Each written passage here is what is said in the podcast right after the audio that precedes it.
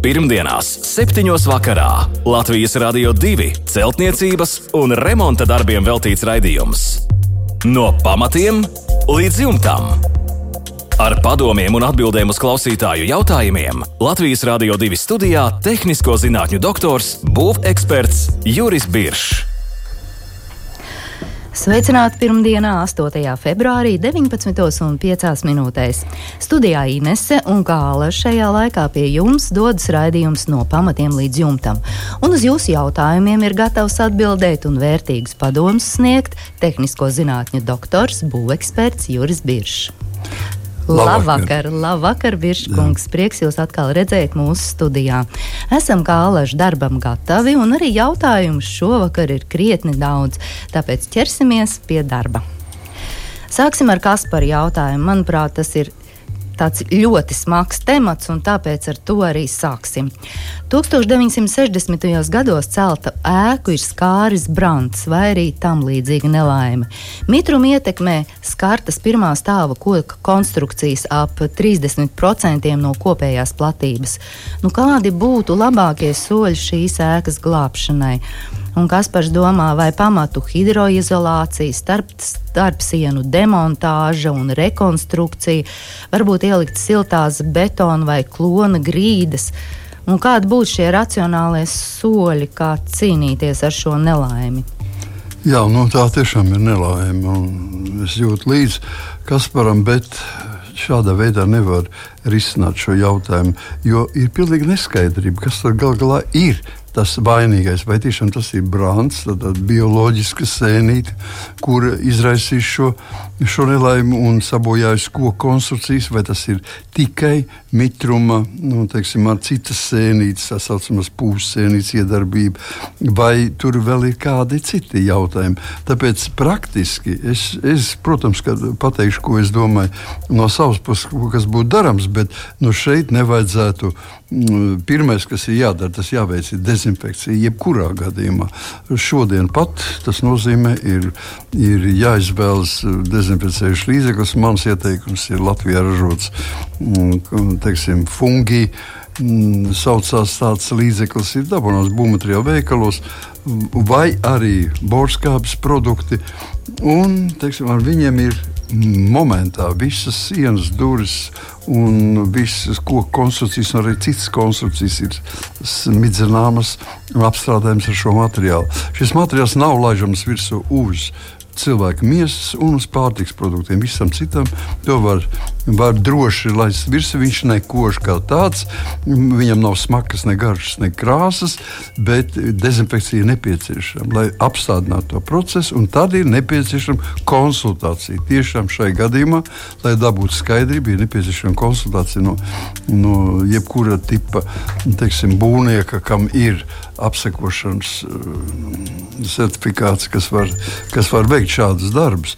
Jeb arī, teiksim, ko, ja tiešām gan izvēl 90% zināms, ka tas ir brāns, tad varbūt arī bioloģiski speci, speciālistu apsekojums. Bet vispirms, protams, tas vajadzētu būt no celtniecības puses, jo ir jāveic kaut kādi ēkas glābšanas jautājumi. Pirmkārt, mēs nezinām, cik augsts ir ēka.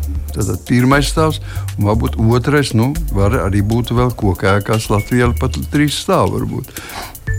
Vai ir tāpēc visi citi darbi ir jāatliek? Ja ir brāns, tad mēs mainām koku, aizvietojam koku konstrukcijas, bojātās, un tikai tad varam domāt par kaut ko citu. Ja? Bet, ja tur ir teiksim, mitruma izraisīts mm, vainas, tad mēs likvidējam šo mitrumu. Un, un, nu, Vārds sakot, ir dažādība. Tāpēc pirmkārt ir dezinfekcija, otrs ir apsekojums. Tikai tad var pateikt šajā gadījumā. Ja mēs ķersimies uzreiz pie kaut kādas horizontālas hidroizolācijas, vai pamathidroizolācijas, vai siltās betona grīdas, tas var nelīdzēt neko. Otram kādam tas var būt arī par vēlu. Jā, paldies par atbildi Kasparam. Nākamo jautājumu ir atsūtījis Mintauts, un viņš jautā par gāzbetona bloku līmēšanu. Vai to var darīt ar putu līmi un tādos baloniņos iepildītu, vai labāk izvēlēties sauso līmi maisos? Nē, nē, pilnībā. Šajā jautājumā Mintauts var būt mierīgs. Līme, kas ir pildīta arī teiksim, ar viņu ar, ar saspiestu gaisa palīdzību, iepildīta speciālos konteineros, diezgan lielos balonos. Tādos, un, un viņa ir brīnišķīga un ļoti laba. Nu, tikai jāskatās, vai viņi tam ir domāti tieši. Ja. Tātad gābetona līmešanai tādas var pielietot. Nevienmēr jā, jāpaļaujas un pašiem jātaisa tikai uz savu solījumu. Jā, paldies. Nākamais ir Jurijs jautājums. Pagājušajā raidījumā jau Juris bija atstūt, atsūtījis mums vēstuli un jautājumu par daudz dzīvokļu mājas pagraba telpā ievietoto granulu katlu un cirkulācijas sūkni. Un šis sūknis eh, pam radīja pamatīgu vibrāciju, un tuvākajā dzīvoklī pirmajā stāvā šis troksnis traucēja. Nu, mēs arī stāstījām, kā šo vibrāciju un šo, šo troksni novērst, un tagad Juris grib precizēt. Eh, kad arī lielu vibrācijas daļu aiziet pa pašām caurulēm. Nu, kā varētu ar to cīnīties, kā šīs caurules izolēt? Jā, nu tas ir pagrūti, tāpēc ka šeit ir tās iespējas ir daudz mazākas kā teiksim, eh, šai iekārtai kā tādai. Šai gadījumā mums atliek tikai viena iespēja. Mēs varam atdalīties ar izolācijas materiālu. Tas nozīmē, ka virs caurulēm jāveido apvalki, elastīgi apvalki, vai viņus varam uzlikt virsū, tos var gatavs dabūt vairākās kārtās. Vai arī teiksim, mēs veidojam nu, kādu materiālu, teiksim, tādu kā kasti, riņķi, ja, kas ja, ja, noslēpjam šīs caurules, ietērpjam ja, nu, tādā speciālā rāmējumā, un šo rāmi piepildām visu pilnu ar ar, ar izolācijas, izolācijas materiālu.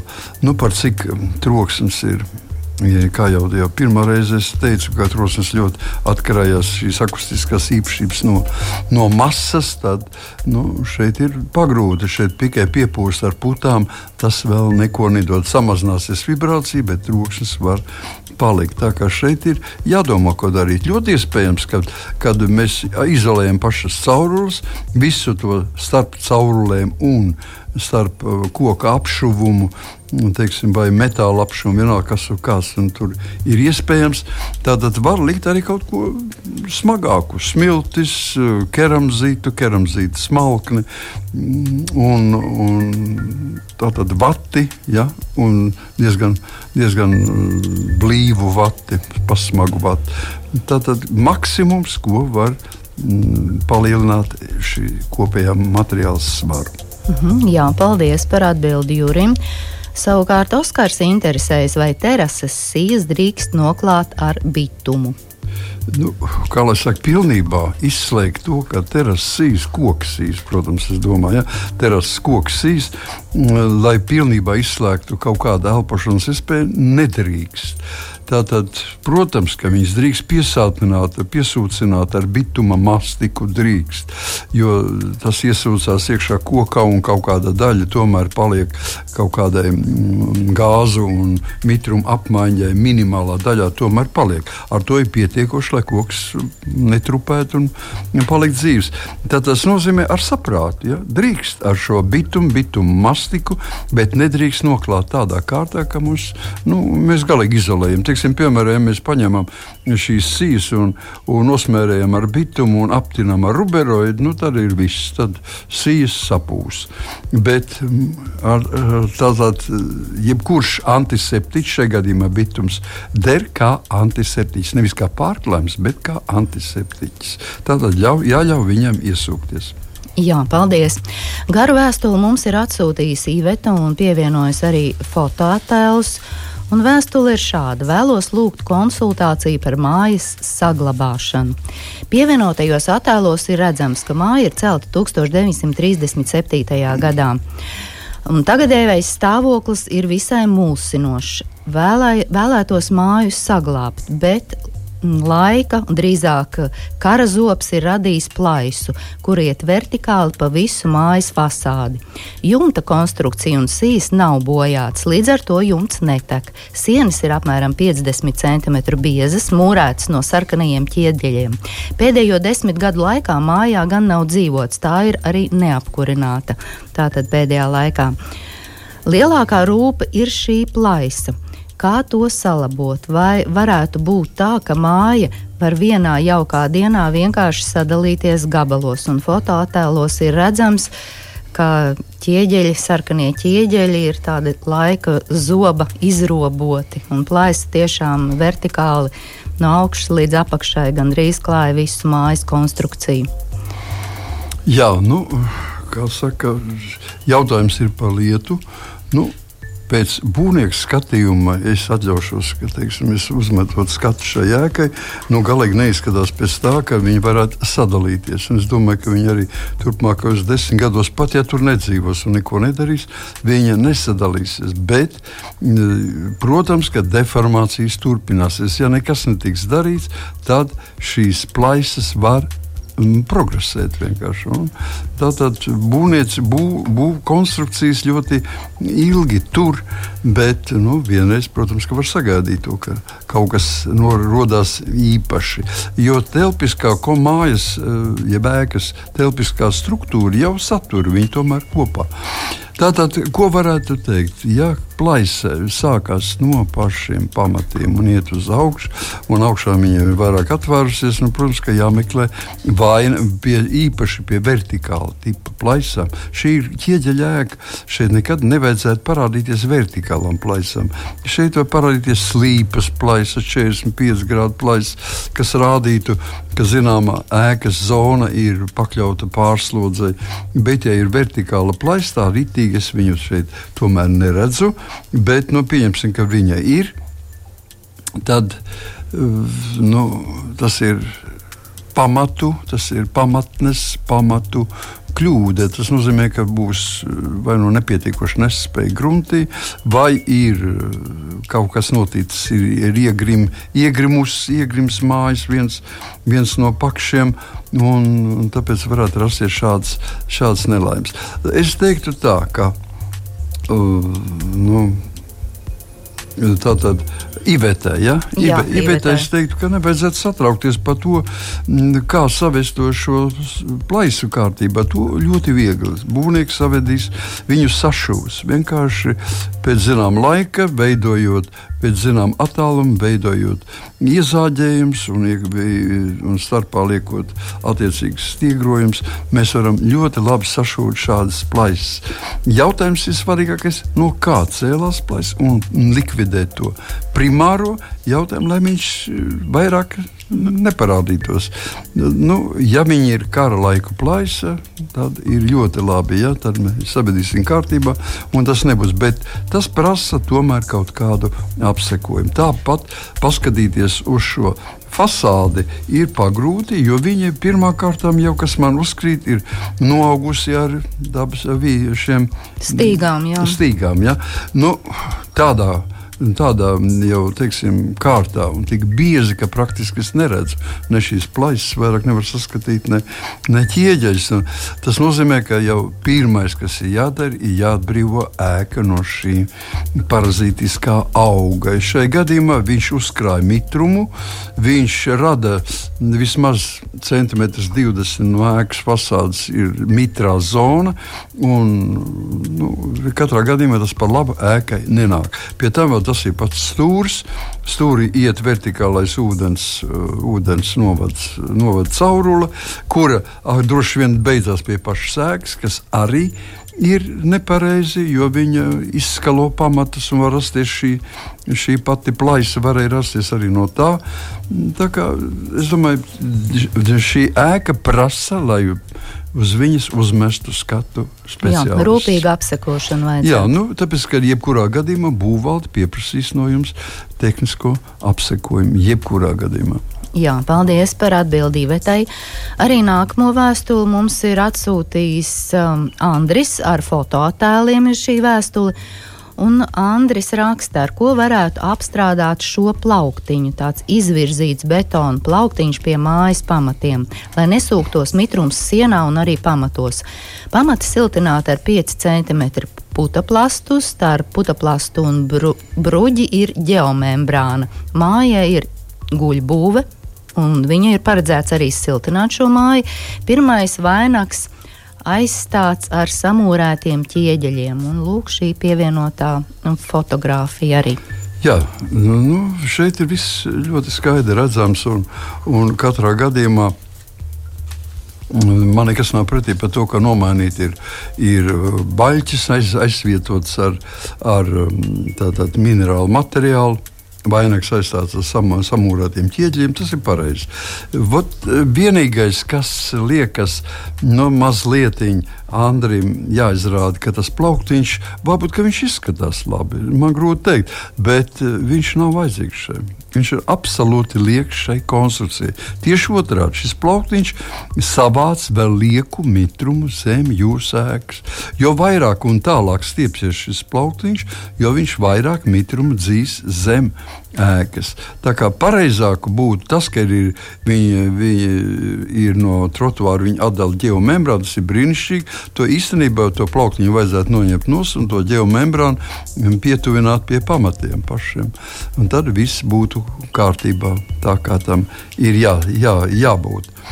Nu, teiksim, nu, tā ir būvfizika, un tur nu, man gari ne, acīm redzot neļaus runāt, bet, bet šie, mitrums dodas no mīnusa uz plusu, un tātad viņš atdurās pret pamatiem, ejot uz augšu, viņš noteikti atdursies pret šo plauktiņu. Mm -hmm. Un viņš nevar apiet uz ārpusi, iziet ārā, tāpēc ka fizika prasa no mīnus uz plusu, tātad uz sienu. Un tātad šis plauktiņš palīdz koncentrēt mitrumu, lai iekļūtu iekšā pamatos. Nu, jebkurā gadījumā mm, nu, es teiktu, ka sevišķi, sevišķi bēdātos par to, lai viņš, es, es teiksim, Andra vietā ņemtu vienkārši to plauktiņu un nolikvidētu. Mm -hmm. Jā, paldies par atbildi Andrim. Pirmdienās, 7. vakarā Latvijas Rādio 2 celtniecības un remonta darbiem veltīts raidījums. No pamatiem līdz jumtam. Ar padomiem un atbildēm uz klausītāju jautājumiem Latvijas Rādio 2 studijā - tehnisko zinātņu doktors, būveksperts Juris Biršs. Un turpināsim ar jūra atsūtīto vēstuli. Dzīvojamās mājas jaunbūve. Koka karkasas statņu sienas no ārpuses apšūts ar 12 mm eglis saplāksni, ko paredzēts no ārpuses apšūt ar 12 mm pretvēju kokšķiedras plāksni un 25 mm fibrolītu, un uz tā veidot arī apmetumu. Sienu karkas bija paredzēts atbilstoši Latvijas būvniecības normatīviem, siltināt ar ekovati, kas tiks nosakta ar 25 mm fibrolītu.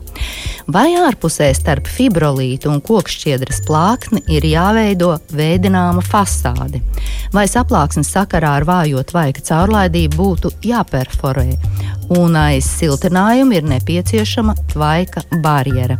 Nu, lūk, šādi jūri jautājumi. Praktiski Mēs varētu teikt, ka nu, jā, nu, tas ir latviešu, latviešu tautai visgrūtākais šie būvfizikas jautājumi. Īstenībā tur nekā tāda briesmīga nav. Nu, tātad, Jūras pareizi nosauc šo pīrāgu uz ārpusi. Ja, tā tad ir saplāksnes, ir mm, apšūts ar mīksto kokšķēru plāksni, un pēc tam ir 25 mm fibrolīts. Un uz tā veidot apēdumu. Šeit man nekas nav ko piebilst. Ja gribās, protams, ka varam to saplāksni, viņš tomēr ir 12 mm, diezgan biezs, tad, tad viņu varam perforēt. Tas tikai palīdzēs vietām. Ja? Ne sevi ne ļoti bieži, bet viņš, viņš, tas varētu būt pirmais jautājums. Otrs, vai starp fibrolītu un kokšķieru plāti jāveido veidojuma fasāde, nav jāveido. Tātad mums ir siltumizolācija, mums ir, ir šī mīkstā kokšķieru plāksne virsū fibrolīts. Un tālāk iet, iet apmetums. Ja. Fibrolīts ir ļoti caurlaidīgs, perforācijai nekas nav vajadzīgs, tur ļoti labi iet cauri mitrums un, un gaisa un, un, un, un teiksim, īpašas teiksim, gaisa spraugas šeit nav jāveido. Kas ir tagad pats pēdējais jautājums? Ir aizsiltinājumi vai ir nepieciešama tvaika barjera? Ja mēs pielietojam uz koka bāzes veidotus materiālus, tātad saplāksnes, fibrolīts, miksas kokšķiedra plāksnes, tātad mums nekādi Tvaiki, tvaika barjeras nav jāveido. Pilnīgi pietiek ar to, kas ir. Jūsu gadījumā 25 mm fibrolīts. Ja? Tātad viņš ir pilnīgi pietiekošs materiāls un nekādas plēves šajā konstrukcijā nevajadzētu veidot. Jā, paldies par atbildi Jurim. Māris raksta, vai vangažu tipa gāzbetona siltināšanu no mājas iekšpuses ar kokšķiedras plāksnēm var aizvietot ar kokšķiedras vati, kuru pēc tam nosedz ar reģipsi. Iegūmi šajā gadījumā būtu reģips ir mehāniski izturīgāks, tajā var montēt dažādus stiprinājumus, atkristu arī nepieciešamība apmest kokšķiedras plāksnes. Ja tā var darīt, uz ko būtu jāpievērš uzmanība un vai tvaika izolācijas plēve nav nepieciešama. Jā, nu, kaut kāds analoģisks ar iepriekšējo jautājumu saistīts iekšā, bet šajā gadījumā ļoti skaidri pateikts, ir vangaža tipa gāze, bet tas nozīmē smags, Savienības laikos izgatavots uh, vienīgā vieta Latvijā, kur izgatavoja, bija Vangaža. Šis gāzbetons ar, ar tilpumu masu apmēram 600 kg uz kubikmetru. Nu, tāpēc arī iegājas tautā kā Vangaža tipa gāzbetons. Protams, ka viņš ir jās, jāsiltina, un ja mēs siltinām no māju iekšpus no koku šķiedru, tāda kokšķiera plāksnes, tad mēs varam aizvietot ar kokšķiedas vati. Lūdzu, ar kokšķiedas vati, ar, ar um, teiksim, Līnu kaņepāju vati, ar, ar līnu vati, vienalga ar kādu mēs to varam darīt. Protams, pēc tam mums jānosaka ir ar kādu plākšņu materiālu. Izvēlēts ir rīģips. Man nekas nav pretī pret to. Ja mēs lietotu tikai kūkšķiedas siltinājumu plāksnes, tad rīģips būtu lieka greznība. Pēc kā vienkārši tērēties pa daudz. Šajā gadījumā ir uh, kokšķiedras. Vata ir īrdenāka, nu, tad, tāpēc to rīģips likt mēs varam. Uh, nu, Tas, ka viņš ir tikai mehāniski izturīgāks, varbūt netur kritiku. Mm, galu galā arī varētu būt mīkstās kokšķieru plāksnes ar apmetumu. Bet, ja to mārs grib, darīt to var. Pie kā, kam vērst uzmanību? Nu, Tvaika izolācijas plēve nav vajadzīga šajā gadījumā. Tāpat kā pirmajā gadījumā, viss ir, visa mm, gāzbetons ir ārpusē, iekšpusē mums ir kokšķiedras vate, Mums ir rīķis, tāpat elpojošs materiāls, un mums nekādas tvaika izolācijas šeit nav vajadzīgas. Savā ziņā tvaika izolācija varētu kalpot pats rīķis ar krāsojumu. Ja, Tātad viņš zināmā mērā ir vēja barjera, zināmā mērā arī nu, kā kā, kā izolācijas slānis. Kaut gan ļoti vājš, un tāpēc pilnīgi pietiekoši. Plēvis speciāls nevajag. Jā, paldies par atbildi Mārim. Jautā klausītājs. Nākamais klausītājs, kurš ir atsūtījis savu vēstuli, ir Gunārs. Un Gunārs raksta, ka pirts būvēta no brusām 200 x 200.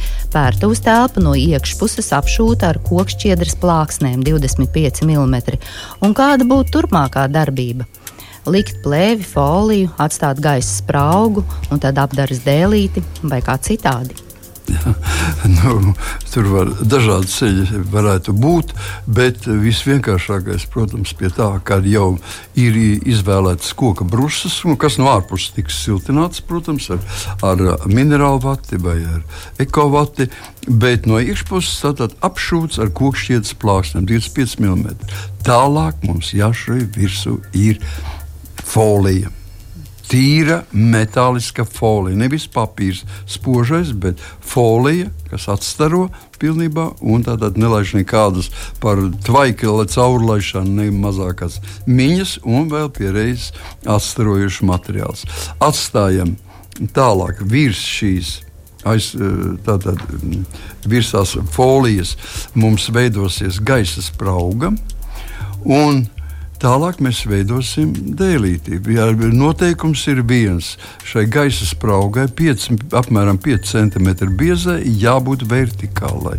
Tā tas nozīmē, ka mums ir vertikāls uh, latas un vēl horizontāls latas, jo um, pirtī parasti iekšpus grib apšu, apšūt parasti vertikāls, lai smukāk izskatītos. Tā arī dubults latu latojums. Tas jāņem vērā. Mhm. Jā, paldies par atbildi Gunteram. Oskara vēstule. Mājas starpstāvs sīs ir pagarināts, veidojot ārā terasu pirmajā stāvā un otrā stāvā grīdas pamatu konstrukciju. Sīju solis 40 cm, otrajā stāvā grīda no iekšpuses ir nosiltināta ar akmens vati, taču sīju izbīdījuma daļa nav nosiltināta. Gribu šo sīju izbīdījuma daļu, kas būtu terases griestus, siltināt ar puta plastu no ārpuses. Vai tā var darīt? Un kādam būtu jābūt pīrāgam, siltinot terases griestus? Griestus. Putaplasts, vēja plēve, OSB. Jā, nu, šeit viss būtu ļoti skaidrs. Un, un sakot, mēs varētu ļoti precīzi pateikt, kas ir darāms, ja būtu tikai Oskars pateicis, vai šī terasa ir atklāta vai viņa ir slēgta.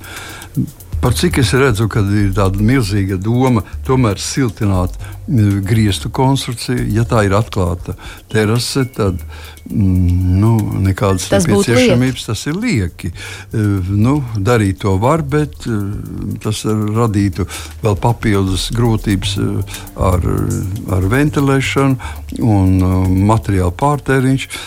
Tāpēc ir grūti saprast, vai tā ir vai nav. Ja apakšā mēs vēl saprotam, tur mums viss varētu būt normāli, tad, ja augšu arī siltina, nu, tad ļoti iespējams, ka arī teras arī tiks no sāniem silt, apšūta ar kādu mm, stiklu vai ar kaut ko tamlīdzīgu. No tā viss arī atkarējās kādam jābūt pīrāgam, silt no terases griezts, mēs pateiksim, pīrāgam jābūt sekojušam. Ja mums ir atklāta terase, tad siltinājums nav nepieciešams. Mēs varam vienkārši veidot, apšūt šos, šīs terases un, un skatīties. Ja mēs augšā gribam staigāt pa šo konsoles veidu, ja, tad ir attiecīgi jāņem stiprības jautājumi vērā, bet e, siltināt viņu nekādas vajadzības. Ja mums ir slēgta terase, prasa, jā, tad mums ir šī starp, starp izbīdītajām šīm sijām, šī starpa jāveido ar siltumizolācijas materiālu. Par to nav ne mazāko šaubu. Un jāveido ir vēl no no ārpuses skatoties, tad būs gaisa sprauga starp siltinājumu un starp mm, no otrā stāva grīdu vai pirmā, pirmā stāva griezts eh, virs siltinājuma. Ja, tur jāatstāj 2 cm vismaz eh, ventilēšanai. Un jādomā, kurš šo mm, spraugu mēs tālāk nu, kur viņi tālāk izies, izies uz at, at, atklātu, vai tajā zonā, kur sākās jau mājas konstrukcija, mēs viņu izvadīsim, vai viņi būs teiksim, kaut kā savādāk paredzēti. Daudz nezinām jautājumu. Nu jā, šajā gadījumā jārisina ventilācijas uh, jautājums, jā. problēma. Jā, paldies par atbildi Oskaram. Iespējams, Oskars nākamajā raidījumā precizēs savu jautājumu. Edmunds vēstuli plānoja lauku mājai remontēt otro stāvu. Starp stāvu siltinājums ir skaidrs ar zemi. Kā rīkoties? Visu izrakt vai arī atstāt šo starpstāvu siltinājumu skaidrs ar zemi? Jā. Nu, lieki darbi mums nav vajadzīgi, tāpēc nu, piesim racionāli šim jautājumam. Principā tātad, tas ir tomēr samērā smags pildījums, skaidrs ar grunti. Nu, gribētu teikt, skaidrs ar, ar, ar smiltīm, karsētām smiltīm. Nu, zemi gluži augšā nekad neliek kopā ar skaidām, jo tad tā skaidrs tiešām būtu sapūtu un nekas. Bet, jebkurā gadījumā, mums ir jāskatās sekojušie faktori. Vai pirmā stāva griezti, tātad sijas ir redzamas vai nav. Ja viņas ir redzamas un viņas ir ieliektas, tad tas ir, ir atbilde, ka mums vajadzēs tomēr vismaz divas trešdaļas no šī uh, skaidu un grunts maisījuma noņemt nost. Ja viņas ir taisnas un nav ieliektas un stabilas šodien tur, neaiztiksim. Nevajag vecā mājā lieki atslogot kaut kādas detaļas. Sāksies deformācija, sāksies trokšņi, sāksies nestabilitāte. Ja? Tāpēc, ja konstrukcija tur viņa nav deformēta, tad atstājam visu kā ir. Ja viņi ir deformēti, vismaz divas trešdaļas mēs varam brīvi noņemt un aizvietot ar nu, teiksim, ar šodienas modernu siltumizolāciju. Jā, paldies par atbildēt Edmundam. Un vēl mēs varam paspēt atbildēt uz raita jautājumu un izlasīt arī raita atsūtīto vēstuli. Privātmājā ar divu slīpu jumtu padomju laikā izbūvēts bēniņu stāvs ar koka karkas sienām. Sienas no abām pusēm apšūts ar dēļiem, pa vidu ievietota stikla vate. Virs dēļiem gan istaba pusē, gan augstajā jumta pusē piestiprināts reģipsis. Vēlos šīs sienas no augstās puses nosiltināt ar akmens vati. Pa virsmu vatei plānoju stiprināt kokšķiedras plāksnes, lai būtu pretvēja izolācija un pasargātu vati no mehāniskiem bojājumiem jo brīvā telpa starp sienām un jumtu tiek izmantota mantu glabāšanai. Un jautājums ir tāds, vai augstajā pusē uz sienām esošais reģipsis būtu jāņem nost pirms siltināšanas, vai var stiprināt siltinājumu tam virsū. Vai izmantojot minētos materiālus, sienās neradīsies problēmas ar mitrumu, un cik biezas kokšķiedras plāksnes būtu ieteicams šajā gadījumā? Jā, Nu, jautājums ir pilnīgi saprotams. Šeit, man liekas, ka visa materiāla ir pietiekoši daudz, lai dotu atbildi. Tātad mums ir mansarda tipa jumtu stāvs, kur mēs gribam apdzīvot. Mums ir sienas, kas atdala, nu, nevar pašaubelē līdz galam turēt, tad ir samazināts augstums, un mums ir nepieciešams šīs sienas ierīkot. Siena Tā tad dalīsies augstā puse un, un, un uh, sienas iekšpuse. Viss, ko teica Raits, ir pilnīgi pareizi. Šādu konstrukciju lietot var. Tātad nekādas mm, teiksim, papildus mm, starpas vai kaut kādas. Mm, Tātad jā, jautājums bija, vai augstajā pusē esošais riģips ir jāņem nost. Jā. Nē, viņš nav jāņem nost. Šai gadījumā, ja viņi atrastos pilnīgā ārā, apstākļos, ja tas ir pilnīgi ārā apstākļos, ja pie ļoti krasām temperatūrām, šeit tomēr šīs temperatūras ir mazliet maigākas. Ja ārā būs mīnus 20, tad es domāju, ka iekšā no nu, mīnus 10, mīnus 12 grādajā jumta zonā varētu būt, jo tur nebūs vēja vienkārši. Līdz ar to Jo galvenais noteikums ir viens. Mēs nedrīkstam konstrukcijā, sienas konstrukcijā atstāt lielus dobumus, tukšumus. Ja? ja mēs viņus neatstājam, tad šī temperatūra starpība nerealizēsies kondensātā. Un es domāju, ka šeit no tā baidīties nevajadzētu. Lai samazinātu darbu, mēs varam atstāt šo rīķi tāds, kāds viņš ir. Cik biezs kokšķiet plātas būtu ieteicis? Es teiktu, 2,5 cm. Plānāks tas tiešām ir 10 mm. Nu, viņas pārāk locīsies. Tāpēc labāk būtu 2,5 cm biezs. Jā, paldies par atbildi raitim. Līdz ar to arī šīs dienas raidījums no pamatiem līdz jumtam ir izskanējis. Mūsu adrese, e-pasta adrese remonds at lr2.lv. Tur jūs varat iesūtīt savus jautājumus, un noteikti mēs Latvijas radio divi ēterā tiksimies jau pēc nedēļas, nākamā pirmdiena. Jautājumus varat iesūtīt arī izmantojot mūsu Latvijas radio divi mājaslapu. Biržkungs, liels paldies jums par šī vakara darbu, un paldies klausītājiem par jautājumiem. Tiksimies pēc nedēļas, lai jums mierīgs vakars! Visu labu! Pirmdienās, 7. vakarā Latvijas Rādio 2 celtniecības un remonta darbiem veltīts raidījums. No pamatiem līdz jumtam. Ar padomiem un atbildēm uz klausītāju jautājumiem Latvijas Rādio 2 studijā - tehnisko zinātņu doktors, būveksperts Juris Biršs.